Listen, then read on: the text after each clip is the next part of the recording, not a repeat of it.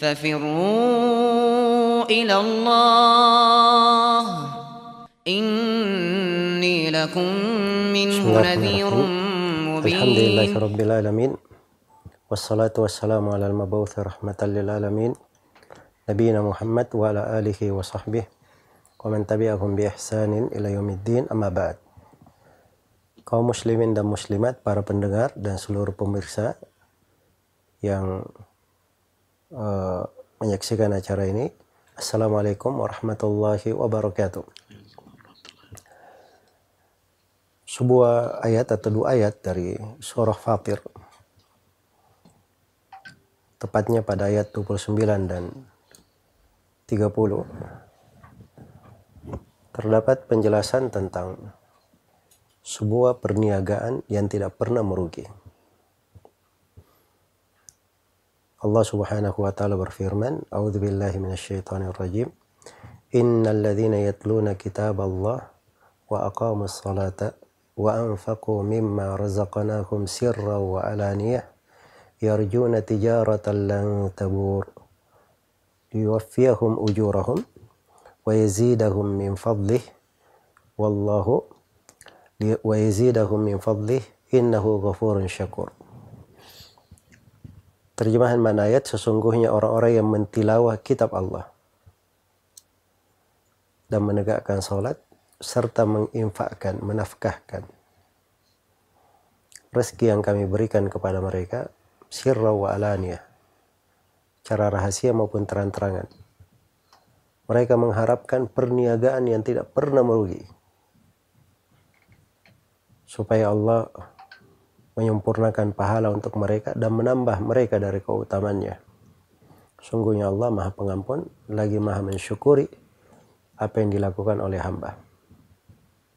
Ayat ini subhanallah sangat mengena sekali kepada jiwa, mengarahkannya kepada tujuan yang paling baik di dalam kehidupan perniagaan yang tidak pernah merugi. Kita semua tahu bahwa hidup ini transaksi. Hidup ini perniagaan. Dan yang namanya transaksi itu pasti mengantar kepada sebuah hasil. Hasilnya keberuntungan atau kerugian. Karena di belakang transaksi cuma ada dua itu, beruntung atau rugi.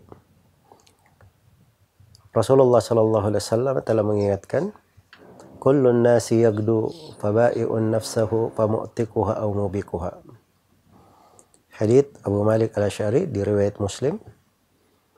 Beliau bersabda setiap manusia itu berusaha. Dengan usahanya dia melakukan transaksi. Nah, ini usaha dia dalam kehidupan.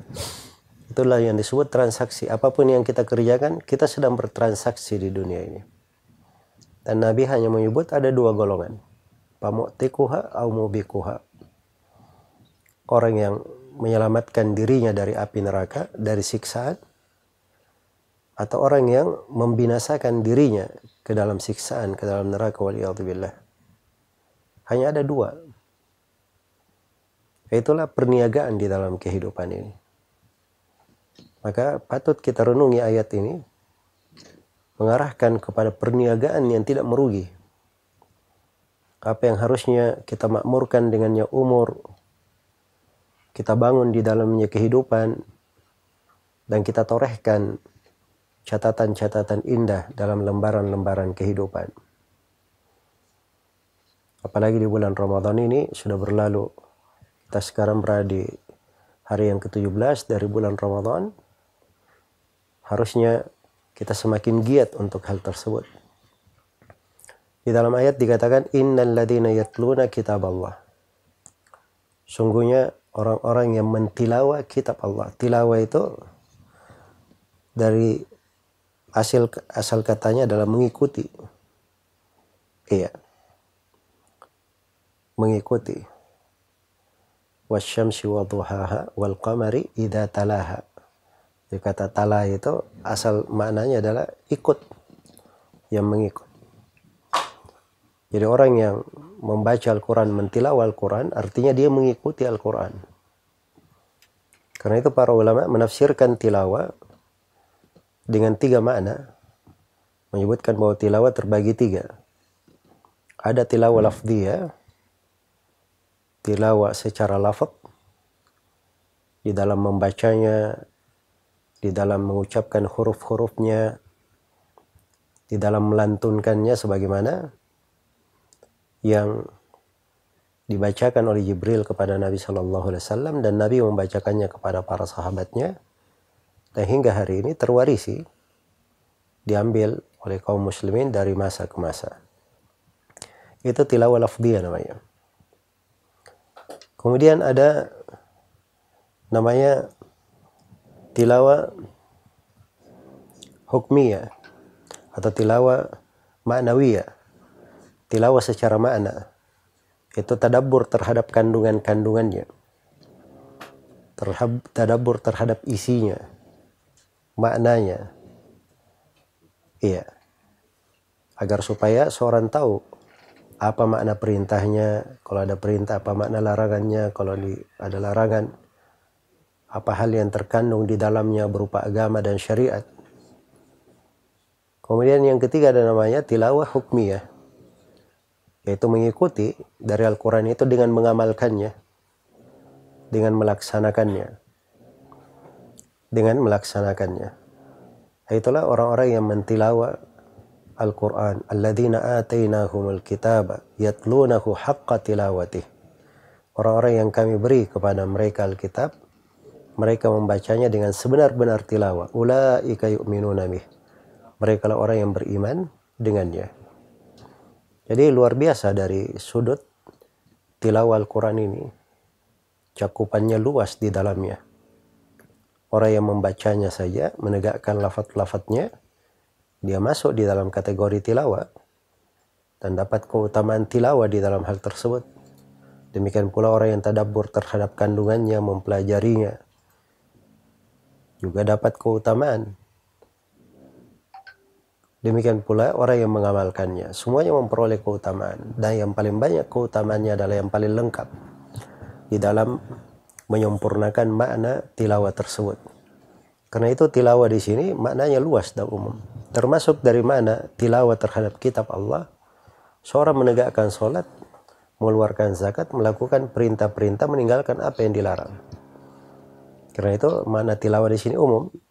Setelah itu dikhususkan penyebutan salat dan nafkah berinfak. Pengkhususan untuk menunjukkan keutamaan. Innal ladzina yatluna kitab wa aqamus shalah dan menegak, mereka menegakkan salat. Tidak dilakukan, tidak di, dikatakan melakukan salat, tapi dikatakan menegakkan salat. Iya. Menegakkan itu artinya dia tegakkan dengan benar, dia kerjakan dengan rukun-rukunnya, kewajiban-kewajibannya, dia sempurnakan dengan sunnah-sunnahnya. Itu dia tegakkan. Beda dengan orang yang mengerjakannya saja. Kadang dia lalai, dia alfa, banyak kekurangan di dalam sholatnya. Ya mungkin sholatnya syah, tapi banyak kekurangannya. Iya. Maka dipuji di sini orang yang menegakkan sholat itu. Menegakkan sholat. Wa anfaku dan mereka menafkahkan. Wa anfaqu mimma razaqnahum.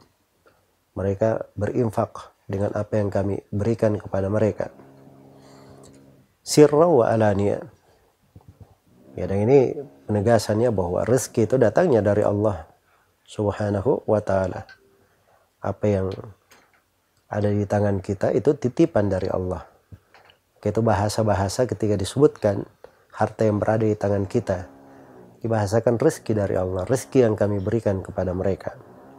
Sirra wa alania, mereka berinfak terang-terangan maupun rahasia. Karena ada sebagian dari infak itu hal yang utama kalau dia rahasiakan. Ya itu itu sangat utama dan bagus. Tadi infak harus dia terang-terangan. Tidak boleh dia sembunyikan. Apalagi kalau di posisi-posisi dihitung terhadap dirinya, dia bisa dicurigai kalau dia tidak mengeluarkannya secara terang-terangan. Iya. Seperti kalau misalnya pemerintah mewajibkan mengeluarkan zakat melalui jalur pemerintah, maka harus dia keluarkan terang-terangan, dia berikan secara jelas. Tapi kalau misalnya dia ingin uh, mengeluarkan secara pribadi, maka dia infakkan dalam bentuk rahasia, kadang itu lebih utama. Tidak selalu itu lebih utama. Ya kadang seorang berinfak, dia terang-terangan memberi contoh orang lain untuk berinfak. Maka mungkin itu lebih utama sebagaimana sahabat itu yang berinfak ketika Nabi Shallallahu alaihi wasallam datang membawa seseorang lalu Nabi berkata kepada para sahabat, "Siapa yang bersedekah untuk orang ini?" Tadinya para sahabat diam. Maka setelah itu berdiri seorang sahabat lalu dia bersedekah. Nah, setelah sahabat ini berdiri, maka diikutilah oleh sahabat-sahabat yang lainnya. Karena Nabi Shallallahu Alaihi Wasallam bersabda, "Man sanna fil Islami sunnatan hasana, falahu ajruha wa ajru man amila biha, wa la yanqusu min ujurihim syai'." Siapa yang memberi contoh di dalam agama ini contoh yang baik, maka untuk dia pahalanya dan pahala orang yang mengerjakannya setelah dia mengikutinya tanpa mengurangi pahala mereka sama sekali. Iya. Jadi itu dua posisi, ada yang rahasia, ada yang terang-terangan. Terkait dengan mana yang paling utama ya tergantung konteks dan keadaannya. Ya ada rincian-rincian terkait dengan hal tersebut. Baik. Jadi uh, sirra wa alaniya yarjuna tijaratan lan tabur. Yarjuna tijara tanpa keikhlasan. Mereka hanya mengharapkan perniagaan dari Allah bukan ria ingin dilihat oleh manusia disanjung oleh manusia dihitung dan dicatat supaya dia tersohor, terkenal. Tapi dia lakukan yarjuna tijaratan lan tabur. Mengharapkan perniagaan yang tidak pernah merugi. Nah, inilah tijaratan lan tabur, perniagaan yang tidak pernah merugi. Iya. Dan itulah yang disebut di dalam ayat yang mulia ini. Tilawah terhadap kitab Allah, menegakkan solat, mengeluarkan zakat, mengeluar berinfak. Dan infak itu dua jenis, ada yang wajib, ada yang sunnah. Yang wajib itu sering disebut dengan zakat. Dan yang sunnah sering disebut dengan sedekah. Iya. Tapi dalam agama kita infak mencakup dua-duanya. Sholat juga mencakup sholat wajib dan sholat sunnah. Mencakup sholat wajib dan sholat sunnah. Pada segala hal yang dia tegakkan dari ibadah-ibadah yang agung ini, itu adalah perniagaan yang tidak pernah merugi. Jadi coba bayangkan ya, seorang sholat sunnah saja dua rakaat sebelum subuh. Ini sholat sunnah ini dua rakaat sebelum subuh. Kata Nabi Wasallam, rakaat al-fajri khairum minat dunya wa ma fiha. Dua rakaat sebelum subuh itu lebih baik daripada dunia dan segala isinya. Ini baru dua rakaat sebelum subuh. Bagaimana pula dengan sholat wajibnya? Subhanallah. Ya, Demikian pula keutamaan infak dan sedekah dengan berbanyak di hal-hal yang sunnah. Bagaimana pula kalau dia keluarkan dari kewajiban pada hartanya. Kewajiban pada hartanya. Semata untuk mencari ridha Allah subhanahu wa ta'ala. Iya. Maka ini dari hal yang luar biasa untuk direnungi. Perkara yang sangat penting untuk kita cermati karena itu dari renungan ayat ini yang pertama anjuran kepada perniagaan yang tidak pernah merugi. Nah, ini harusnya kita selalu mencarinya. Iya. Dan menjadikan lingkup hidup kita di dalam makna ini. Mencari perniagaan yang tidak pernah merugi. Yang kedua keikhlasan dalam beramal. Hanya yarjuna tijaratan. Nah ini dari hikmah Ramadan. Ya, dari maksud Ramadan ini. Supaya seorang itu ikhlas kepada Allah Subhanahu wa taala dalam ketaatan dalam ibadah, terbiasa dengan hal tersebut.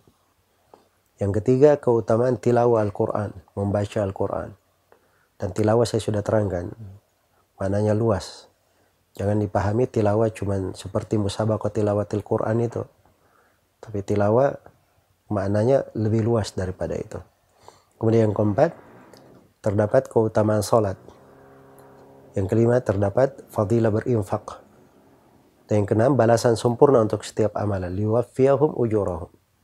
Supaya Allah sempurnakan pembalasan untuk mereka. Iya, itu pasti di sisi Allah. Sudah merupakan kedermawanan yang Allah tetapkan atas dirinya. Setiap amalan diberi balasan 10 kali lipat hingga 700 kali lipat. Iya. ada balasannya, diberi sempurna. Kenapa 10 sampai 700? Nah, ini terkait dengan masalah niat yang berpengaruh, keikhlasan. Semakin bagus dari ikhlasnya, maka mungkin lipat ganda pahalanya akan semakin besar untuk diri ya. Kemudian yang ketujuh, tambahan kebaikan untuk amalan salih. Wa yazidahum min fadli. Diberi pahala sempurna, diberi lagi tambahan, subhanallah. Dan ini dari kedermawanan dan kemurahan Allah untuk hamba. Innahu ghafurun syakur. Dan ini yang kedelapan, pengampunan dari Allah. Kalau dia ada kekurangan-kekurangan dalam ibadah itu, Allah mengampuninya. Kalau dia di dalam tilawah, di dalam sholat, di dalam zakat, atau dalam hal yang dia keluarkan sebatas kewajiban saya, dia sedikit, Allah terima yang sedikit dari hambanya. Karena Allah maha mensyukuri apa yang dilakukan dan diperbuat oleh seorang hamba. Maka ini ayat-ayat yang agung patut untuk kita renungi ya setiap kali matahari terbenam dengan gulungan amalan kita itu artinya sudah selesai transaksi kita di hari tersebut dan telah tetap catatan keuntungan atau kerugian untuk kita semua. Maka selalu diingat, hidup ini adalah transaksi. Carilah perniagaan yang tidak pernah merugi dan mari kita jadikan bulan Ramadan ini sebagai uh, kesempatan untuk kita semua, momen yang baik untuk kita semua, bagaimana kita melatih diri untuk uh, menjadikan kehidupan kita sebagai perniagaan yang tidak pernah merugi. Innahu waliyudzalika wal qadiru alaih wallahu taala alam.